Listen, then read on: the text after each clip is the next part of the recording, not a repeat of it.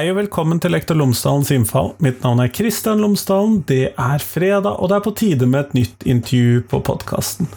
Denne gangen så snakker jeg med Ingunn Folgerød fra Lærerprofesjonens etiske råd. Der er hun leder.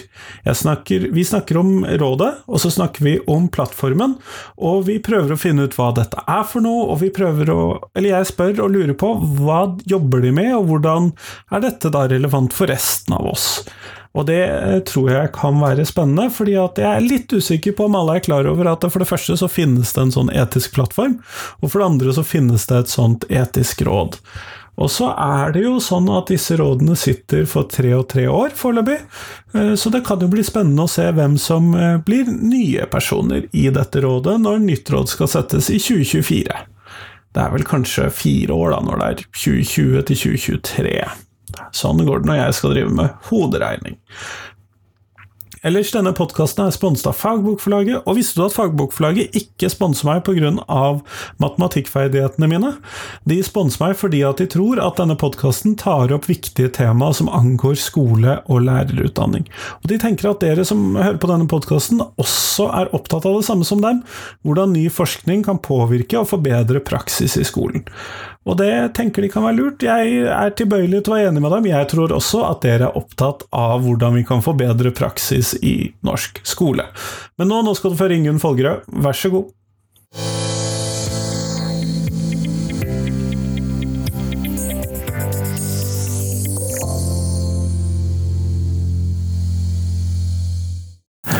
Ingunn Folgerød, tusen takk for at du har tatt deg tid til meg i dag. Ja, bare hyggelig. Før vi kommer helt i gang, så hadde jeg håpet at du kunne fortelle lytterne mine tre ting om deg selv, sånn at de kan få bli litt bedre kjent med deg. Ja. Viktigste i livet mitt er jo at eh, jeg eh, har en familie med tre barn og mann, og en hund. Eh, og så til daglig så er jeg rektor på Bryne videregående skole, og det syns jeg er en helt fantastisk jobb. Få lov å jobbe med utdanning og oppvekstvilkår, og, og få lov å mm, diskutere de spørsmålene der. Og en tredje ting er at jeg har nok et Jeg eh, er så heldig òg å få kunne jobbe mye med ulike samfunnsspørsmål gjennom en del verv og sånn, som jeg òg syns er først og fremst veldig lærerikt. Og at en eh, lærer mye om ulike perspektiver. Og det er en av disse vervene vi egentlig skal snakke om i dag. Ja. Fordi at du er leder av Lærerprofesjonens etiske råd. Det stemmer. Og da må jeg jo vite, hva er Lærerprofesjonens etiske råd, og denne lære Profesjonens etiske plattform, hva er dette for noe? Start med rådet. Ja. Jeg skal starte med rådet.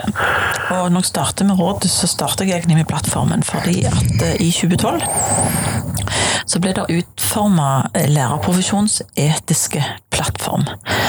Eh, den skal jeg komme tilbake til. Men for å anvendeliggjøre den, for å bruke den, for å gjøre den aktuell, ehm, for at den skal eh, ha noe å si mer enn bare et papir på veggen, så eh, ønsket flere fagforeninger eh, å etablere et råd. Og det rådet det ble etablert i 2016. Det er noen som tror, eller mange, som tror at det er Utdanningsforbundets råd. Det er det ikke. Det tror du blant annet jeg òg. Ja, de fleste tror det, men det er helt uavhengig av fagorganisasjoner, og det må det være når vi skal stille kritiske spørsmål som gjerne, og løfte dilemmaer som gjerne ikke alltid er i fagforeningenes interesse, eller noen av fagforeningene.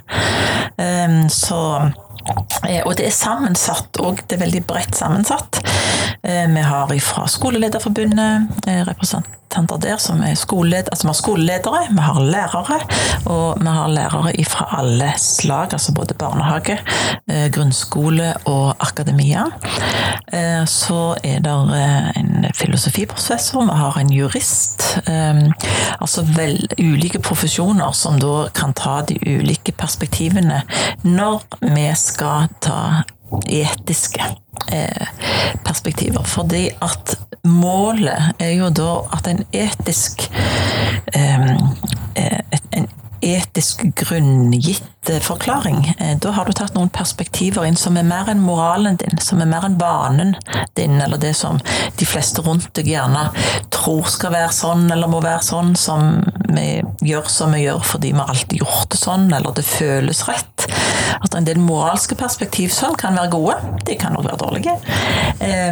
Men etikken i det, det er jo at vi skal øve oss opp til i profesjonen òg å ta veldig viktige diskusjoner som er først og fremst ta en lojalitet mot barn. Og det er da tilbake til det viktigste punktet i lærerprofesjonens etiske plattform, som er at eh, profesjonsutøverens første lojalitet skal være til barnets beste. Og så er det jo diskusjoner om hva er det som er barnets beste. Og nettopp de skal vi jo ønske velkommen. For der ligger en del sånn eh, som vi gjerne snakker om eh, Ja, det kommer an på hva læringssyn du har, eller det kommer an på hva elevsyn du har. Som om at noen har et riktig, og noen har et galt. Og det er klart hvis en kommer, da, Bare der kan diskusjonen stoppe hos noen, da. Fordi at eh, da blir det veldig ofte det på riktig eller gal side. Men det er jo nettopp eh, det å tørre å utforske det vi tror på, gjerne av vane, eller eh, ja, de vi jobber mest sammen med til daglig, og tørre å utforske og diskutere det. Det er egentlig vår hovedambisjon å bidra til at lærere, både barnehagelærere og ja, alle, alle, lærere skal eh, i større grad eh, utøve profesjonen sin òg når de tar vektige avgjørelser. Og For å klare det, så løfter vi jo fram dilemmaer som til enhver tid rører seg, som vi får innspill på i startfasen av rådet. Rådet ble etablert i 2016 og skal nå til våren inn i sin tredje eh, fireårsperiode.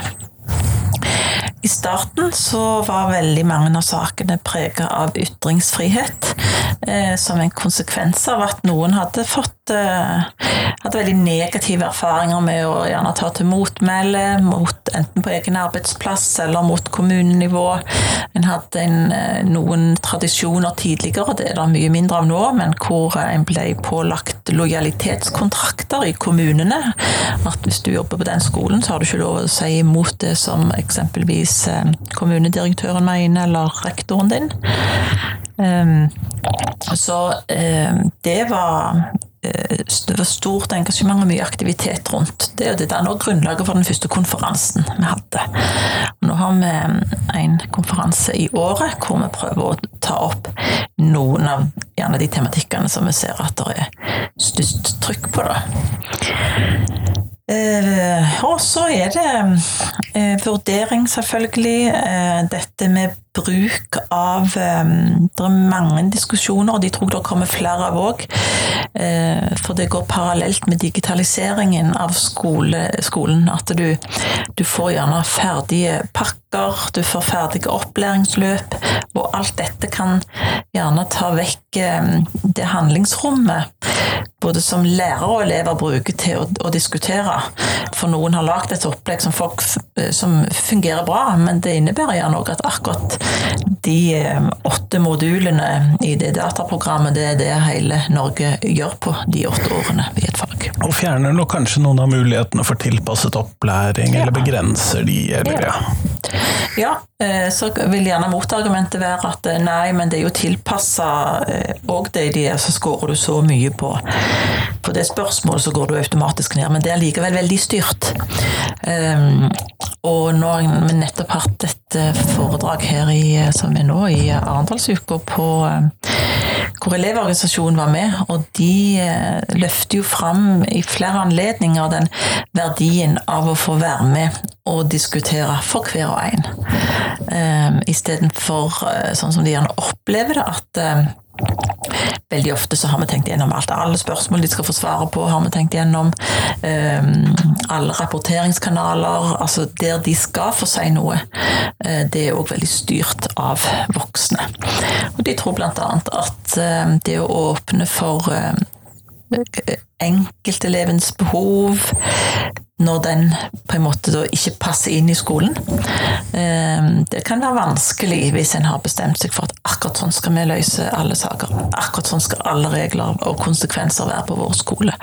Så det er mye som går på det å ta sitt profesjonsansvar og på alvor. Vi har noen rettigheter, men vi har også noen plikter. Men, og da må jeg stille spørsmål før vi går over til selve plattformen. Men hvem er det som utnevner rådet? Det er fagorganisasjonene. Da spiller de inn. Eh, og da sitter det eh, til valgkomiteen, eh, og da kommer det forslag fra ulike fagorganisasjoner, og så blir det Så et kollegium av fagorganisasjoner? Det stemmer, ja. Nettopp. Men denne plattformen, hvordan er den utarbeidet? Ja, det var jo i Det òg var bredt sammensatt i, og tilbake i 2012. Den er tufta på menneskerettighetene, særlig Barnekonvensjonen. Eh, og en ser igjen eh, mange av eh, artikkelen i Barnekonvensjonen. Og det er klart at det med medvirkning står sterkt. Men òg profesjonens ansvar. Så først og fremst så er det et resultat av at fagorganisasjonen til lærerne har gått inn og sett på hva er vi ansvarlig for? Hva perspektiv skal vi løfte? For det er jo mange som konkurrerer om å Altså skolen er jo en stor markedsplass òg. Og det er litt sånn negativt lada ord, kanskje. Eh, men det er òg veldig mange tilbydere som vil inn i skolen. Det kan godt være at de har Eh, mye program som er bra. Eh, det er forskning som er bra. Det er mange typer metodikk som er gode verktøy. Eh, men det er viktig at den som skal bruke det, tenker gjennom hvorfor er det dette så nyttig. Og der mener også Elevorganisasjonen tenker på hvorfor skal akkurat den eleven bryte, altså, eller bruke det, bli utsatt for det, hvis jeg kan si det på den måten. Så det er en rekke perspektiv som er henta ifra og en eh, rekke fagmiljøer som danner grunnlaget for denne som da ble vedtatt i 2012. Men den er da vedtatt av eh alle dette kollegaorganisasjoner, eller én av de? Eh, selve plattformen, Lærerprofesjonsetiske plattform, den ble utferdiget av Utdanningsforbundet.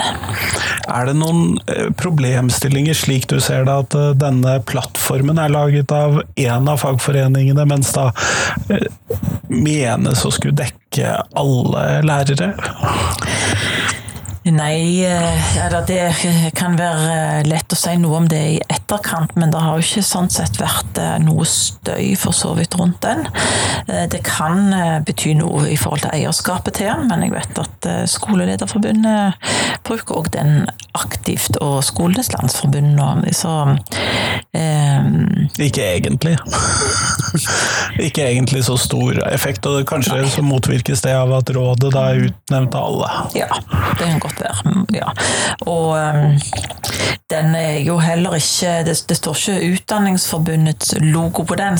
den er, jeg tror den er veldig Den brukes jo også i eh, lærerutdanningen mer og mer. Sånn at um, jeg tror den er mer en sånn um, universell bevissthet mer og mer eh, over rettigheter og konvensjonen. Mm. Eh, når vi da har denne plattformen og vi har rådet og sånn, eh, hva tenker du er den store verdien for, lærer, for, for alle lærere da, eh, av dette? Um, ja, det, der er det mange spor å følge. Men en skal altså, Først og fremst så er det lærere som er utdanna til å være lærere. Det er lærere som har hatt lyst å jobbe med barn hver dag.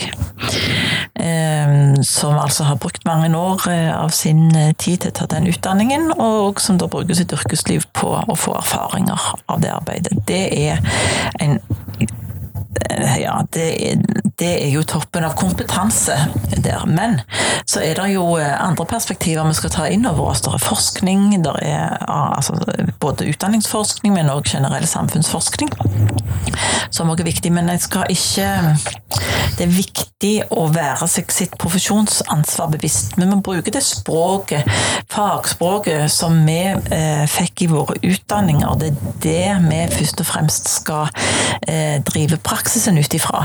Eh, det er eh, gjennom læringsbegreper og eh, oppfølging av elever og måter å være sammen med elever på. Det er det profesjonsspråket vi skal bruke. Så er det nok en, eh, mange som peker på i alle fall en tendens til at samfunnsforskningen, særlig den økonomiske forskningen, gjør at det pedagogiske språk kan komme litt i konflikt òg med et samfunnsøkonomisk spørsmål.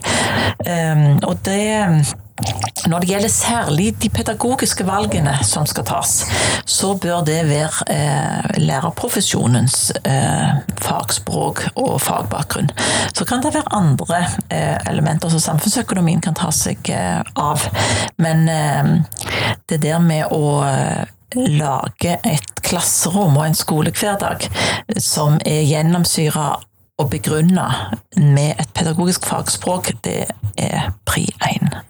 Og så har jo dere da kanskje som medlemmer av dette rådet en luksus som kanskje kan være litt vanskelig å ha ute i skolen sånn til hverdags, nemlig tid og mandat til å gjøre den, det tankearbeidet. Mm. Vi sa det nettopp nå på, off, altså nå på den debatten vi hadde nettopp òg. Eh, veldig mange ganger når vi snakker om skole og barnehage, så er det hovedtiltak nummer én er tid. Og det gjør òg at noen ganger tenker jeg nei, ikke la det være tid, for det, det har vi sagt i så mange år. Det er vanskelig å få til. Ja, det er så vanskelig, og det er litt Det kan nesten virke litt sånn når vi sier tid, så det, ja, ja, da kan vi jo glemme det. Så jeg blir litt sånn redd for at da avskriver vi oss det ansvaret. Um, men um, ja, det kan det du spurte om? Jo, ja. Eh, og jeg spurte rett og slett om at det rett og slett er en luksus dere har, ja. det, å få lov til å gjøre det tankearbeidet. Ja, og så eh, parallelt med at vi snakker om tid, eh, så snakker vi òg om at vår ambisjon i rådet, det er å prøve å skape både en, eh, et rom, et plattform, en bevissthet og et behov for å bruke det språket til diskusjoner på arbeidsplassen. Eh, folk mente det var det mye mye mer av før, når det var læringsråd, selv om noen mener Nei, når det var eh, sånn eh, personalråd, eller læringsråd, jeg tror jeg en kalte det. Hvor eh, noen mener at da hadde vi gode diskusjoner om alt mulig. Andre mener at det var bare tull, for det var tre som satt og ropte, og de andre eh, sa ingenting. Um, men nå er det nok flere og flere som gjerne sier at nei, eh, til mer ferdig tygd ped vi får og tar i bruk, eh, uten å gjerne involvere oss i den, eh, få eierskap til den. Ehm, altså, til lettere har det òg for at den bevisstheten og det språket forsvinner. Vi har tid i våre rådsmøter til å diskutere dette. To møter i året, så har vi to dager til ende.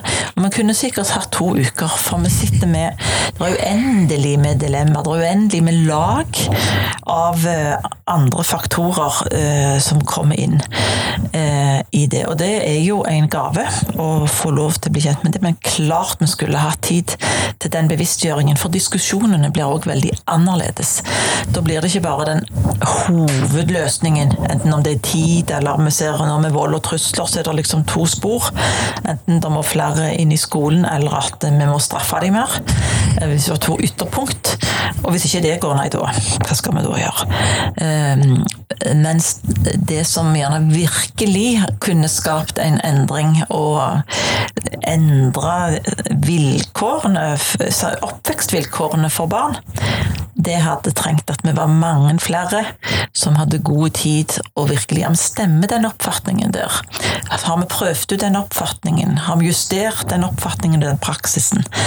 Um, for um, når det er litt sånn kvikk fix, eh, gjerne godt forskningsbasert fundert, altså, men når det er litt sånn quick fix og en, ja, vi kjøper et verktøy eller vi kjøper en metodikk, så skal det liksom fikse seg. Så er det en del som ikke fikser seg likevel. Og det er nok gjerne fordi at eh, vi òg da kommer litt til kort. Da vet vi ikke. Da har vi glemt litt av håndverket vårt, kanskje. Mm.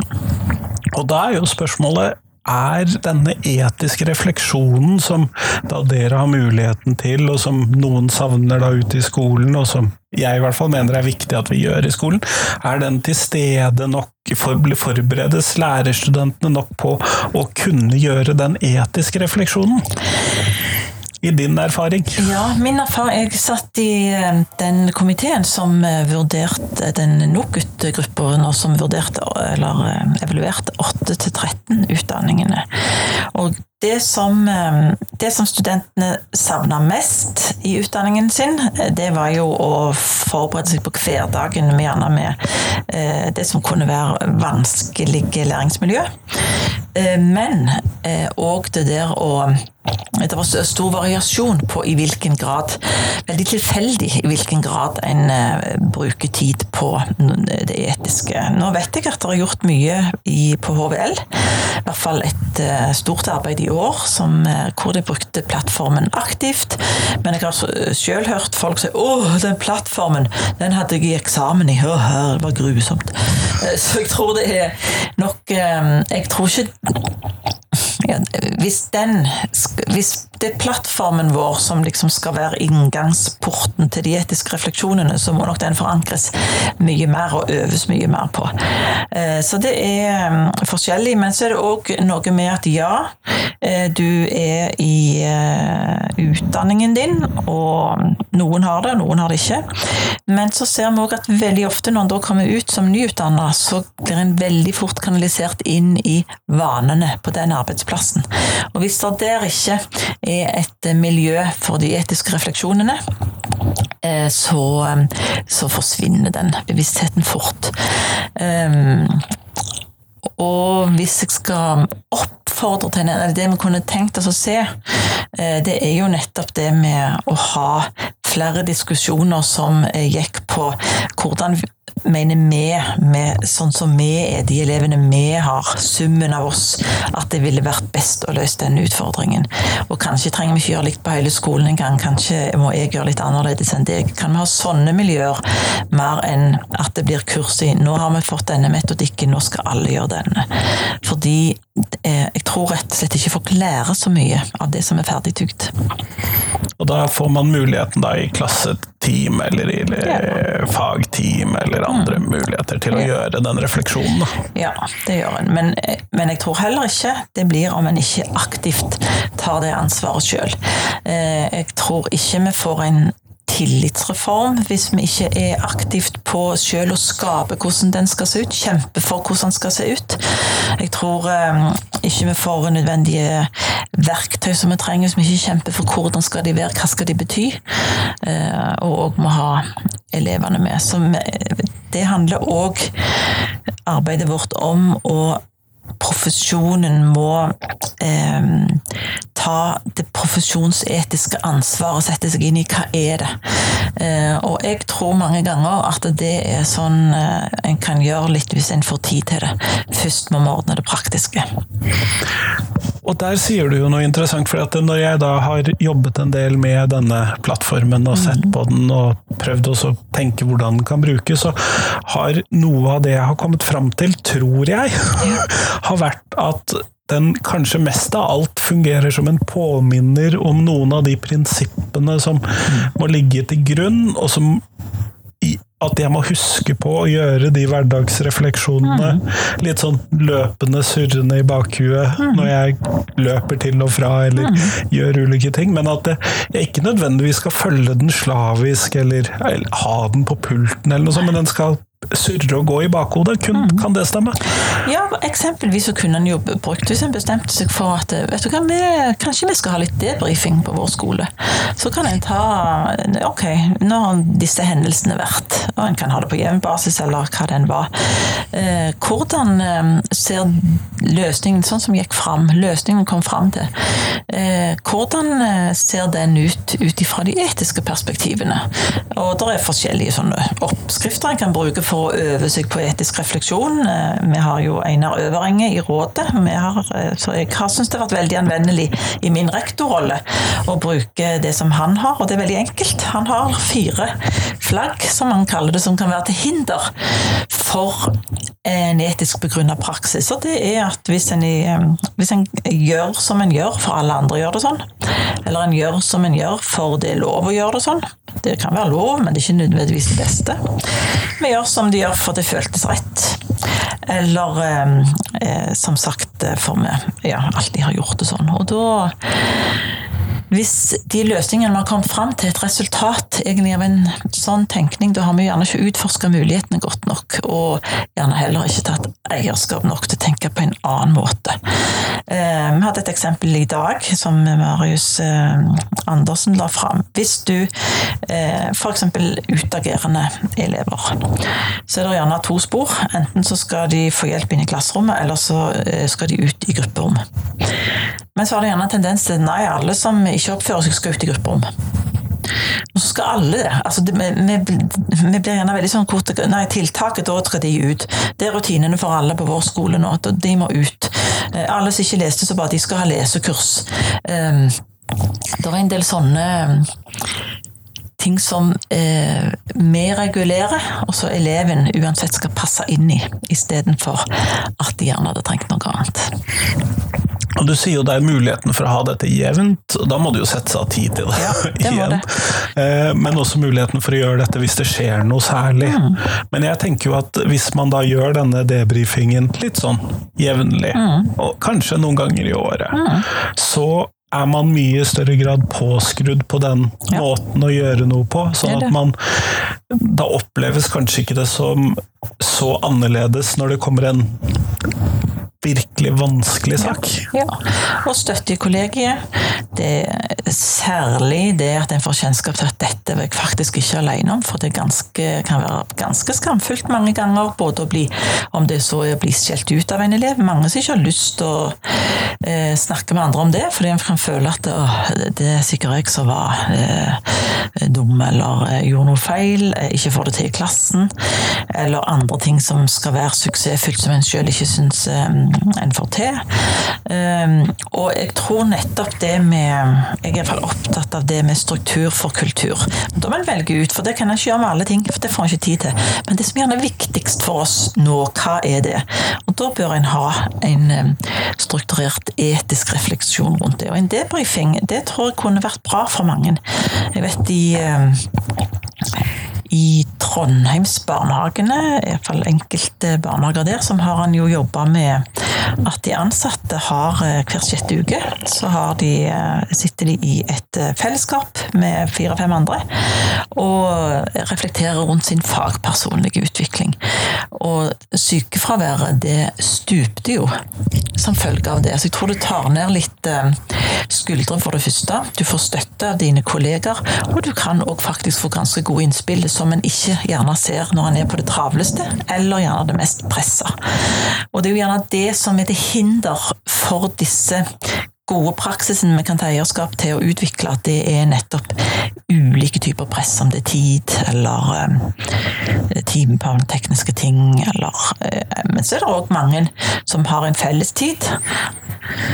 Noen henger ennå igjen i at der bruker en bare tid på å informere om noe du kunne sendt i en mail. Noen har, um, bruker det til inspirasjonsforedrag, altså hele tiden andre kommer inn og inspirerer, eller kurs. Det er bra, det, men da er en passiv mottaker. Så hvordan få på den aktive profesjonsutøveren? Det er viktig. Kjempeflott. Tusen takk, Ingunn, for at du har bidratt med dette. Men jeg har et siste spørsmål som jeg stiller alle jeg intervjuer for tiden. Ja. Hvilken lærer har gjort størst inntrykk på deg, og hvorfor det? Jeg har to. Uh, hun som jeg hadde i første klasse, Lina heter hun. Jeg har kalt opp eh, yngste datteren min etter hun. Men når jeg tenker på hun, så tenker jeg bare fred, og hun var ordentlig og mild og snill. Eh, og så ei som heter Asbjørg Høyvik Kidle, som eh, var en foregangsfigur når det gjaldt skriveopplæring spesielt. Som nok er grunnen til at jeg ble lektor i norsk. Kjempeflott. Tusen takk.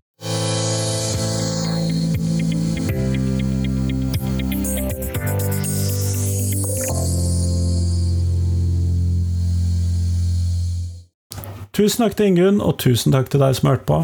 Nå er det fram til tirsdag, så kommer det et nytt intervju på podkasten. Og så er det fram til neste tirsdag igjen, fordi at nå satser jeg på at det blir flere repriseepisoder igjen. Jeg får jo ikke dette helt til å bare holde meg til én episode i uken, men vi prøver igjen med en ny reprise neste fredag, så det kommer om en uke. Men ny episode på tirsdag, altså. Og podkasten den er inne i sitt snart syvende år, eller den er snart fylt syv år. Det skjer om en knapp måned, eller litt mer enn en måned, faktisk, når denne kommer ut. Og jeg syns dette er veldig gøy, men du må sende meg tips til hva du har lyst til å høre mer om, for det vil jeg sette pris på. Og send meg tips hvis du er uenig med noen av de som har vært oppe på podkasten, så kanskje vi kan lage en episode med et mottema. Det ville også være gøy. Men nå, nå får du ha en fin helg. Hei, hei.